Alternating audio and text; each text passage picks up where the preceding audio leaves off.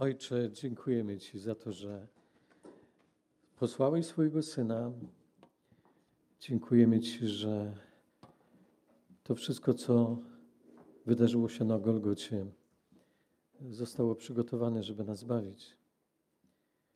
Panie, sprawa, byśmy nie tylko w niedzielny poranek, ale każdego dnia oddawali Tobie chwałę i robić wszystko chcieli w tym kierunku, żebyś był wywyższony, żebyś był uwielbiony, Panie. Chcemy mieć świadomość tego, że jesteś potężnym, wspaniałym przyjacielem, odkupicielem. Dziękujemy Ci, że możemy Cię poznawać w Twoim słowie. Panie, sprawa, byśmy mogli teraz tak skonfrontować się z Twoją obecnością, z Twoim Duchem Świętym. Jeżeli jest coś, co przeszkadza nam się skupić, abyś to zabrał. Panie, jeżeli w Twoim słowie będzie coś, co będzie może kolidowało z naszymi wyobrażeniami, a nie jest z Ciebie, chcemy to wszystko Tobie oddać. I Panie, spraw, żeby ta społeczność była sposobnością ku temu, żebyśmy się uniżyli, ukorzyli, ale żebyśmy też Tobie oddali wszelką chwałę. Modlimy się o to, Ojcze, przez Pana Jezusa. Amen. Kochani,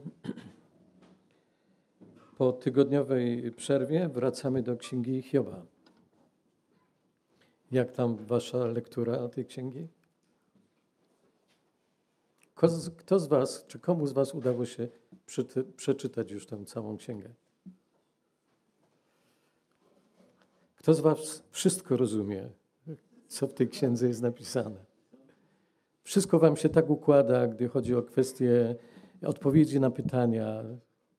Ja myślę, że chyba jedyną taką osobą, która zna odpowiedzi na większość pytań, to jest pastor Turkanik. Jeżeli pamiętacie, dla nas były pewne kwestie wielkim znakiem zapytania, natomiast on się zastanawiał, y, jak, jak to jest możliwe, że, że, że czegoś nie rozumiemy. Jak pamiętacie, zaczęliśmy zastanawiać się nad jedną postacią z tej księgi. To była pierwsza postać. To był Hiob. Dzisiaj nadszedł czas na kolejną postać tej dramatycznej historii i będzie to y, postać szatana. Ale nie chodzi o to, że teraz będziemy ekscytować się jakoś tą postacią. Nie. Y, zachęcam, otwórzcie proszę Księgę Joba, strona 548. Będzie dłuższy fragment do przeczytania, ale też proszę, żebyście mieli e, przed sobą otwarte y, te teksty. Więc zaczynamy pierwszy rozdział od wiersza szóstego i skończymy do, na wierszu dziesiątym rozdziału y, drugiego. Otóż zdarzyło się pewnego dnia, że przybyli synowie Boży, aby się stawić przed Panem, a wśród nich przybył też i szatan, i rzekł Pan do szatana: Skąd przybywasz? A szatan odpowiedział Panu, mówiąc: Wędrowałem po ziemi i przeszedłem ją wzdłuż i wszerz. Rzekł Pan do szatana: czy zwróciłeś uwagę na mojego sługę Joba? Bo nie ma mu równego na ziemi. Mąż to nienaganny i prawy, bogobojny i stroniący od złego. Na to szatan odpowiedział Panu, mówiąc: Czy za darmo jest Job tak bogobojny? Czy ty nie otoczyłeś go zewsząd opieką wraz z jego domem i wszystkim, co ma? Błogosławiłeś sprawie jego rąk jego dobytek rozmnożył się w kraju, lecz wyciągnij tylko rękę i dotknij tego, co ma, czy nie będzie ci w oczy złorzeczył. Na to rzekł Pan do szatana: Oto wszystko, co ma, jest w Twojej mocy, tylko jego nie dotykaj. I odszedł szatan sprzed oblicza Pana. I zdarzyło się pewnego dnia, gdy jego synowie, jego córki jedli i pili wino w domu swego najstarszego brata, że przybył posłaniec do Joba, mówiąc: Woły orały, a oślice pasły się obok nich. Wtedy napadli Sybejczycy i zabrali je, a sługi pozabijali ostrzem miecza. uszedłem tylko ja sam, aby ci o tym donieść. Gdy ten jeszcze mówił, przyszedł jeszcze inny i rzekł: Ogień Boży spadł z nieba, spalił trzodę i sługi i pochłonął je. Uszedłem tylko ja sam, aby ci o tym donieść. Gdy ten jeszcze mówił, przyszedł inny i rzekł: Chaldejczycy wystawili trzy chówce, napadli na wielbłądy i zabrali je, a sługi pozabijali ostrzem miecza. Uszedłem tylko ja sam, aby ci o tym donieść. Gdy ten jeszcze mówił, przyszedł inny i rzekł: Twoi synowie i twoje córki jedli pino, pili wino w domu swego najstarszego brata. Wtem gwałtowny wicher zerwał się od pustyni i uderzył na cztery węgły domu, tak iż on zawalił się na Łódź i zginęli. Uszedłem tylko ja sam, aby ci o tym donieść. Wtedy Job powstał, rozdarł szaty, ogolił głowę, potem padł na ziemię i oddał pokłon i rzekł. Nagi wyszedłem z łona matki mojej i nagi stąd odejdę. Pan dał, Pan wziął, niech będzie imię Pańskie błogosławione. W tym wszystkim nie zgrzeszył Job i nie wypowiedział nic niestosownego przeciwko Panu. I zdarzyło się pewnego dnia, że przybyli synowie Boży, aby się stawić przed Panem. Wśród nich przybył też i szatan, aby się stawić przed Panem. I rzekł Pan do szatana: Skąd przybywasz? A szatan odpowiedział Panu, mówiąc: Wędrowałem po ziemi i przeszedłem ją wzdłuż i wszerz. Rzekł Pan do szatana: Czy zwróciłeś uwagę na mojego sługę Joba? Bo nie ma mu równego na ziemi, mąż to nienaganny i prawy, bogobojny i stroniący od złego, trwa jeszcze w swej pobożności, chociaż ty mnie podburzyłeś, abym go bez przyczyny zgubił. Na to szatan odpowiedział panu, mówiąc: Skóra za skórę. Wszystko, co posiada człowiek, odda za swoje życie. Lecz wyciągnij tylko rękę i dotknij jego kości i jego ciała, a na pewno będzie ci złożyczył w oczy. Na to rzekł Pan do szatana: Oto jest w Twojej mocy, tylko jego życie zachowaj. I odszedł szatan sprzed oblicza Pana i dotknął Joba złośliwymi wrzodami od stóp aż do głowy. Wtedy ten wziął sobie skorupę, aby się nią skrobać i siedział w popiele. Rzekła doń jego żona, czy jeszcze trwasz w swojej pobożności? Złożecz Bogu i umrzyj. Odpowiedział jej, Mówisz, jak mówią kobiety nierozumne. Dobre przyjmujemy od Boga, czy nie mielibyśmy przyjmować i złego? W tym wszystkim nie zgrzeszył Job swymi ustami.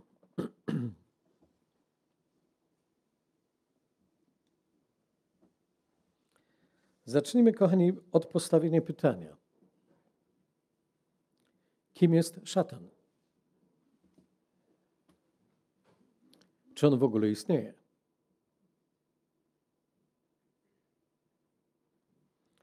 Według badań Centrum Badań Opinii Społecznej z 2019 roku ponad 80% Polaków wierzy w Boga, natomiast przekonanych o istnieniu piekła jest trzy razy mniej.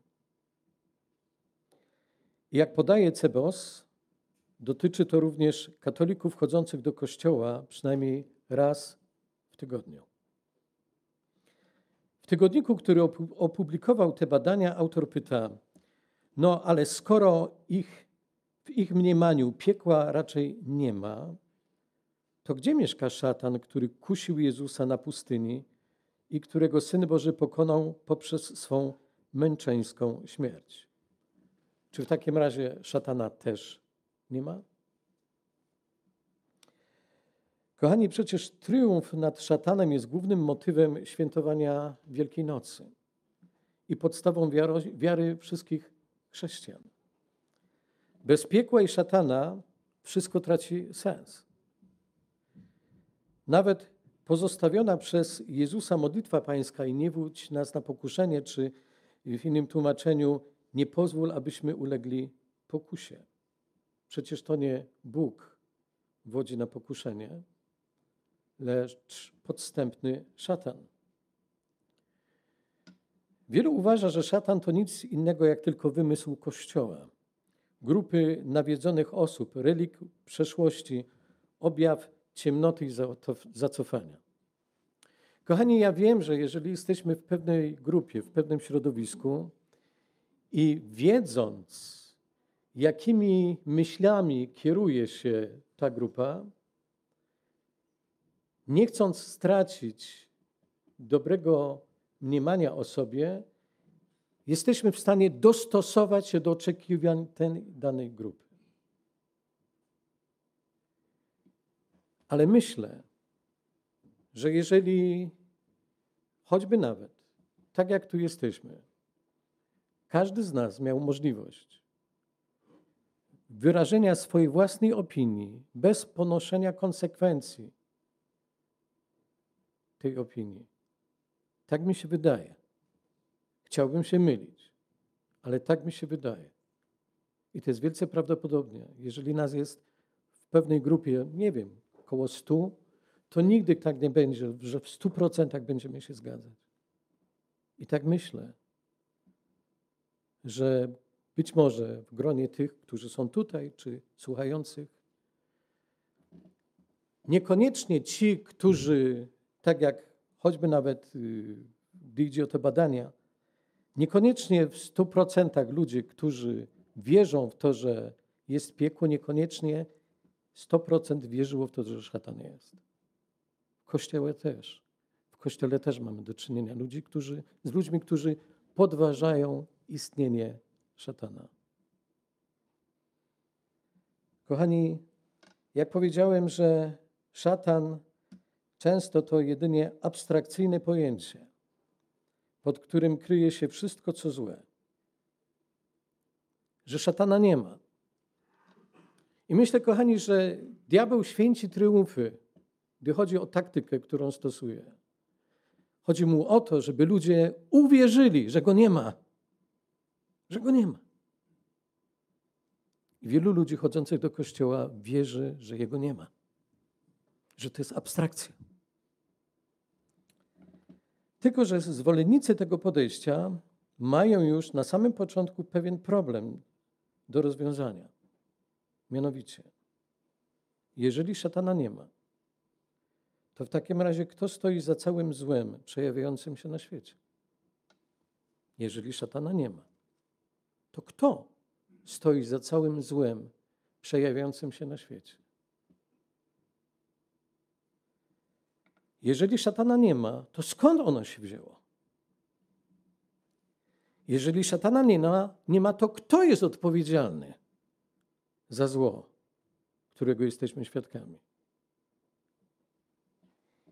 Jeżeli wierzymy, że Biblia jest Bożym Słowem, jest Słowem samego Boga, to wówczas realności szatana nie da się zaprzeczyć. Jeżeli wierzymy, że Biblia jest Bożym Słowem.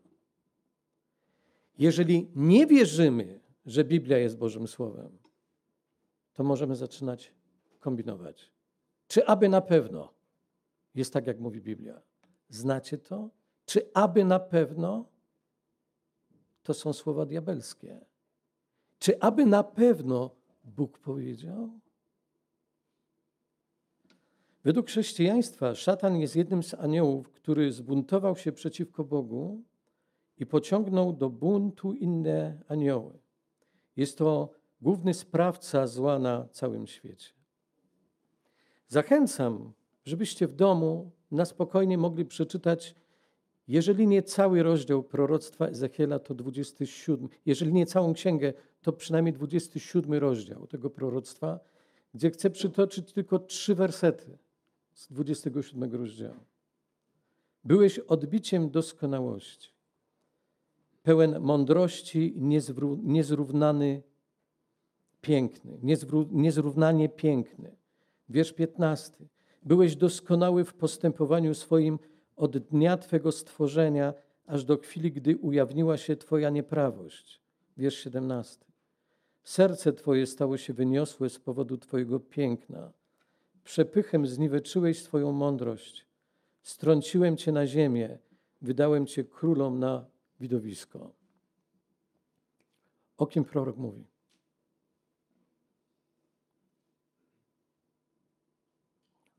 O szatanie. Diabeł jest obecny niemalże od pierwszej do ostatniej strony Biblii, która w wielu miejscach potwierdza jego realność i przedstawia nam jego charakter.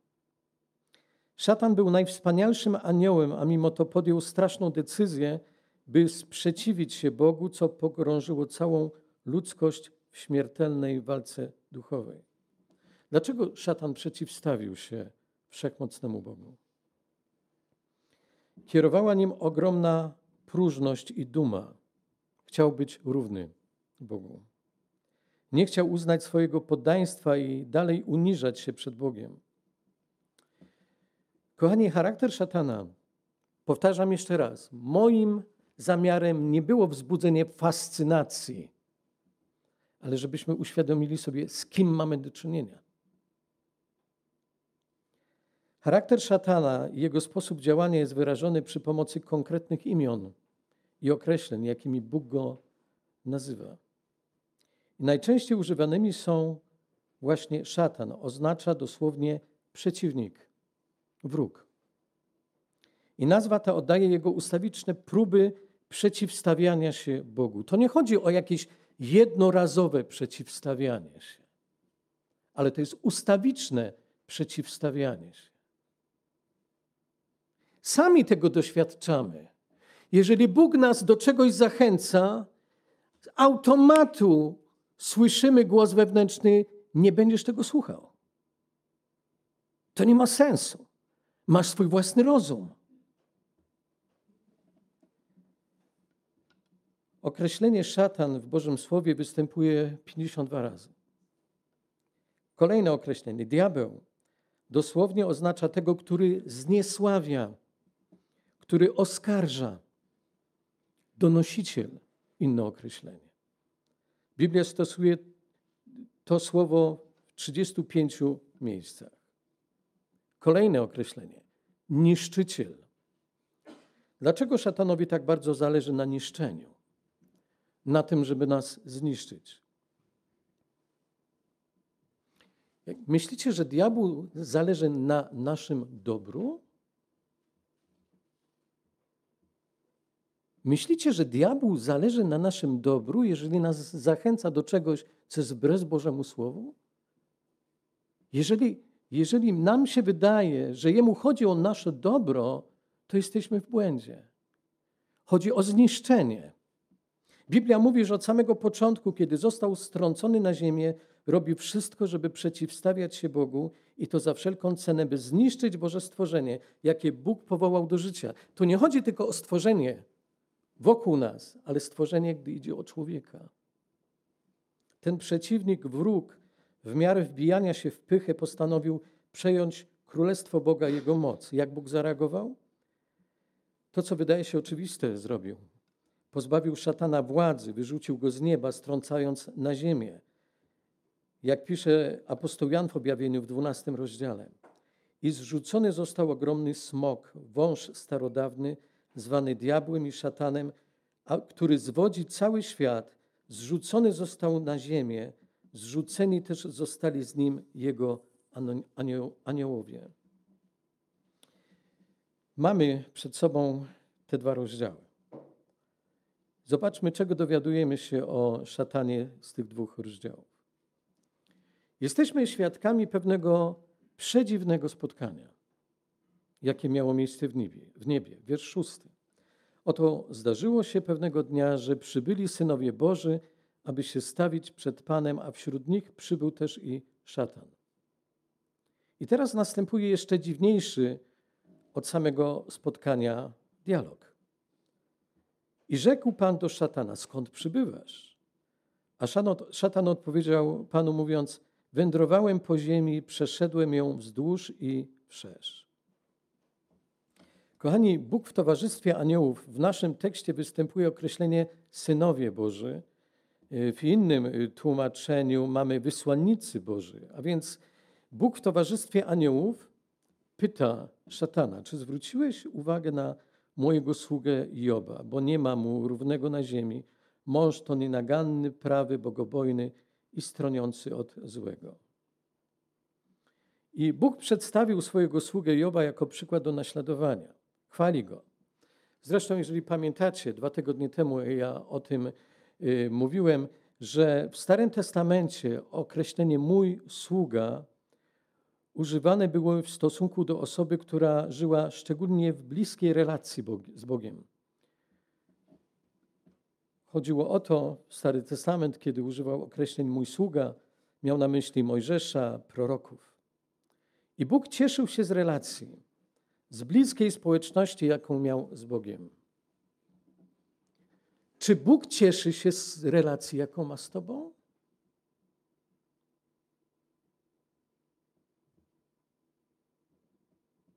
Czy Bóg cieszy się z relacji, jaką ma z Tobą?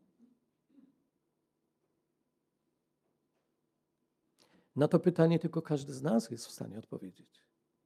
Ja nie odpowiem za Was, Wy nie odpowiecie za mnie.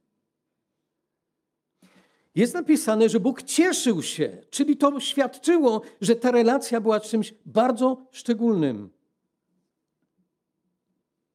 I w tym momencie odzywa się szatan. Wiecie, zastanawiające dla mnie w tej historii Joba jest to, zresztą z drugiej strony nie powinienem się niczemu dziwić, że szatan nigdy nie okazuje poważania dla Boga. Nigdy nie nazywa go Panem. Nigdy nie kłania się Jemu, nie okazuje Bogu szacunku. Ale nie ma się co dziwić. W końcu mamy do czynienia z przeciwnikiem, z wrogiem Boga, z wrogiem Boga i ludzi. I diabeł rozpoczyna swój atak. Diabeł nie jest głupi, jak się to niektórym wydaje. Diabeł jest istotą bardzo inteligentną i bardzo przebiegłą. Wie co, wie jak i w jakich okolicznościach może coś powiedzieć. Bóg doskonale wie, co, jak i kiedy. Zaczyna więc podważać Boga, y, podważać słowa, przepraszam, jakie usłyszał od samego Boga. Zaczyna swoje oskarżenie. I to jest stała praktyka jego. Pisze o tym m.in. apostoł Jan w objawieniu.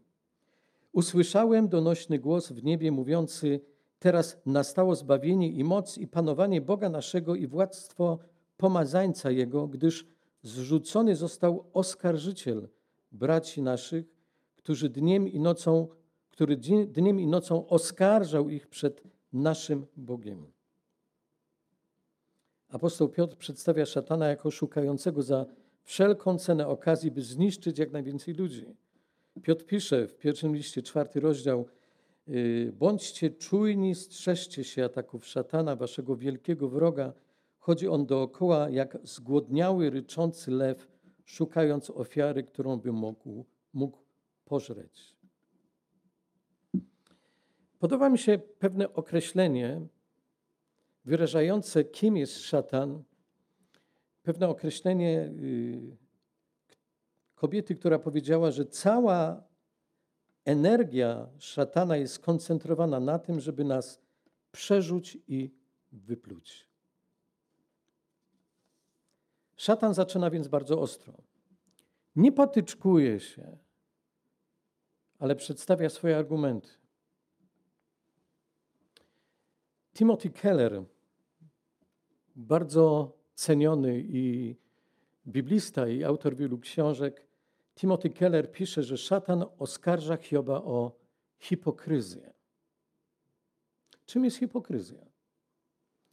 Hipokryzja to udawanie, to fałszywość, dwulicowość, obłuda. Co szatan więc mówi? Wiersze 9 do 11. Czy za darmo jest Hiob taki bogobojny? Czy ty nie otoczyłeś go zewsząd opieką wraz z jego domem i wszystkim, co ma?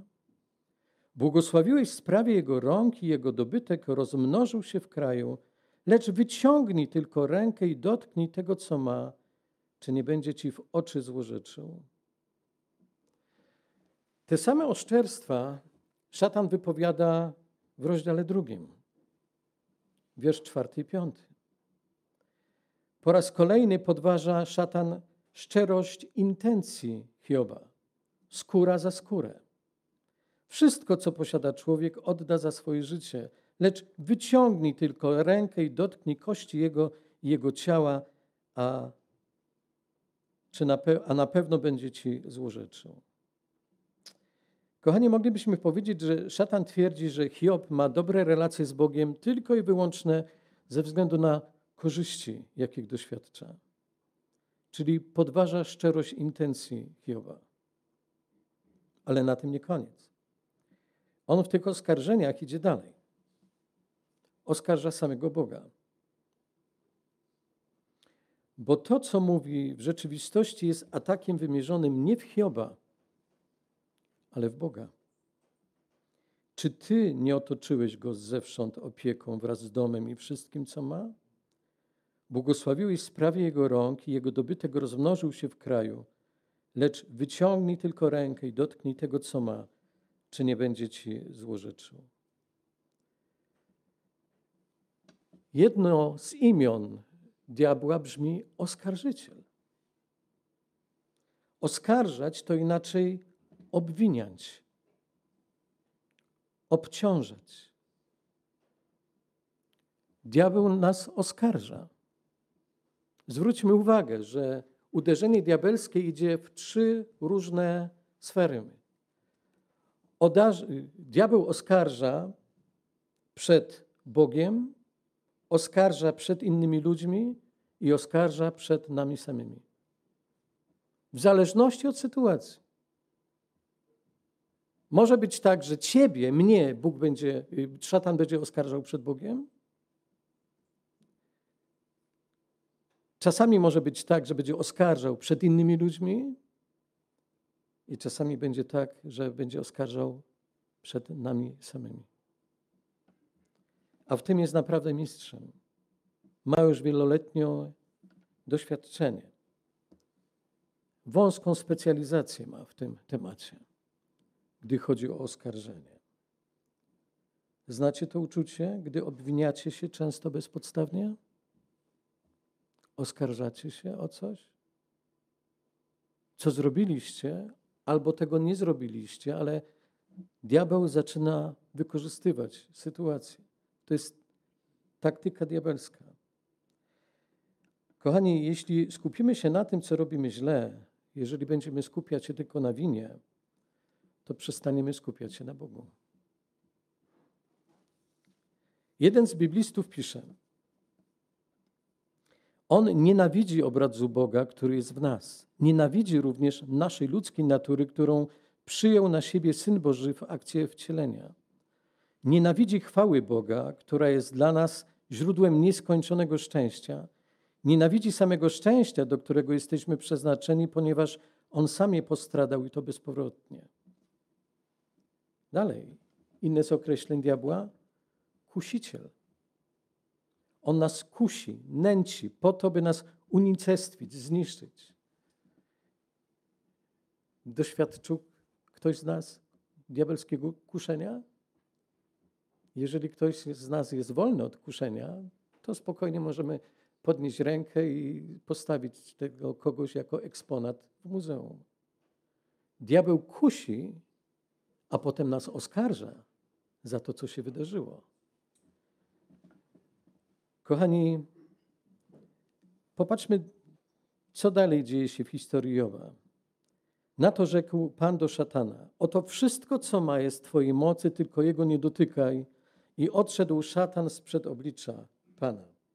Podobno w tekście oryginalnym jest, że szatan wybiegł, tak się śpieszył, aby wprowadzić w czyn swoje złośliwości i zapowiedzi względem Joba. W wyniku jego interwencji Job stracił wszystko, cały swój majątek, wszystkie swoje, swoje dzieci.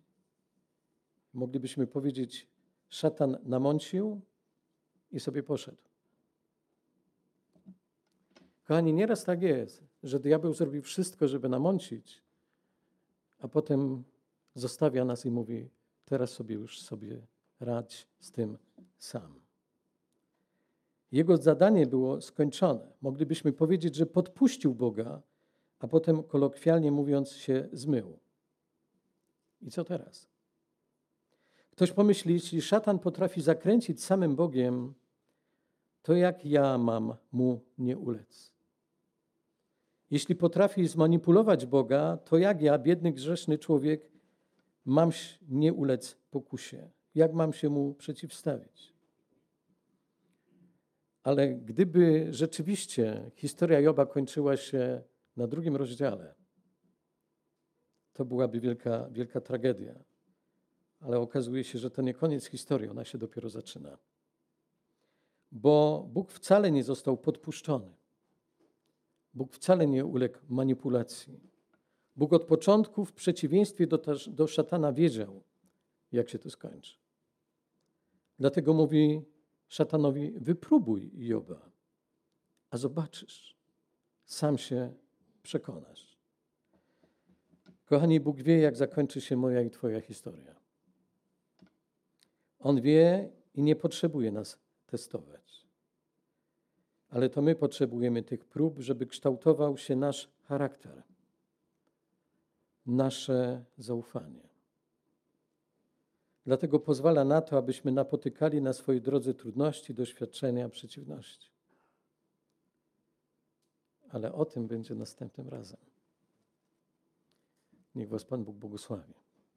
Amen. Będziemy się modlić.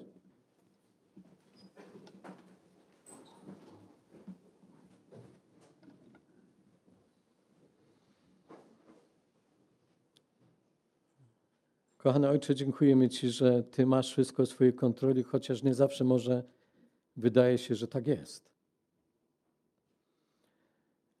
Chcemy Ci wyznać, że nieraz poddajemy się podszeptom Twojego przeciwnika.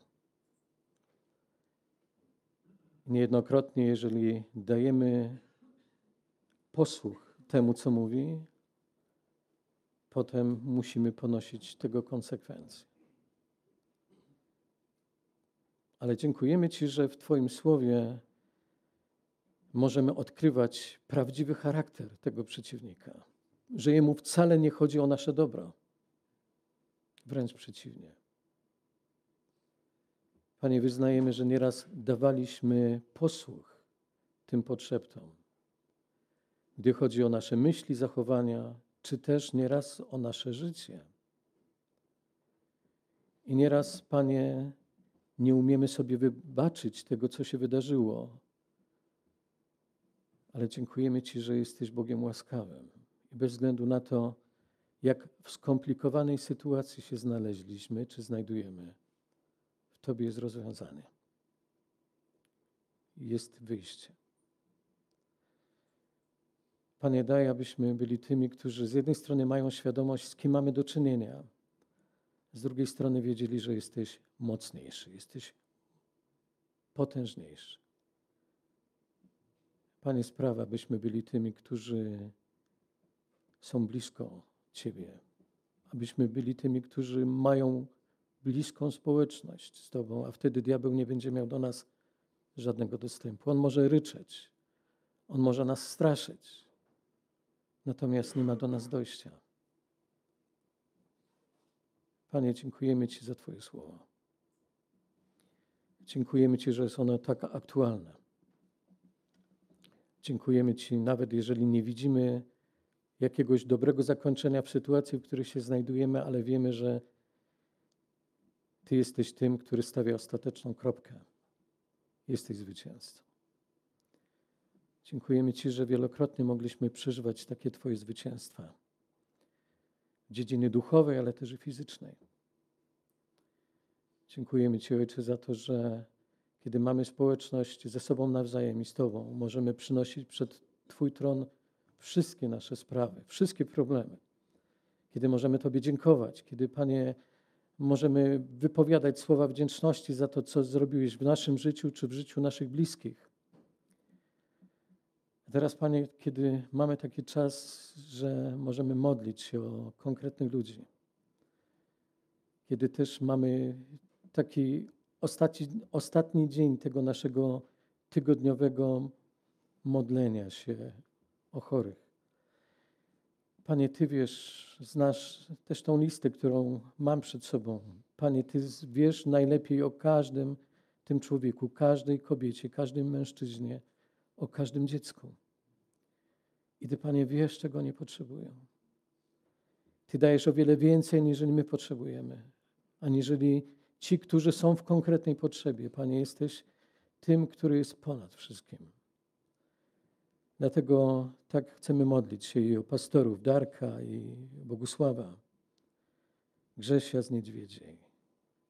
Prosimy Cię o Janeczkę od Bajcara, o Sławka z Polany, Jasia, Krystiana, Janusza, Czysława, o Halinkę, o Jarka, Pana Karola, Małego Jędrka, Alicję, Kasię z Częstochowy. Dziękujemy Ci za Twoje podniesienie i uzdrowienie dla małej Miriam i dziękujemy, że wraca do rodziców, do domu. W Twoje ręce przynosimy Sarę z Bielska, Anię i Skota ze Stanów, małą Hanię z Wisły, Anię, Marka z Pszczyny, Jonasza Małkiewicza, Berniego z Anglii, Grzegorza na oddziale intensywnej terapii, małego Marka z Głębiec w szpitalu w Ligocie.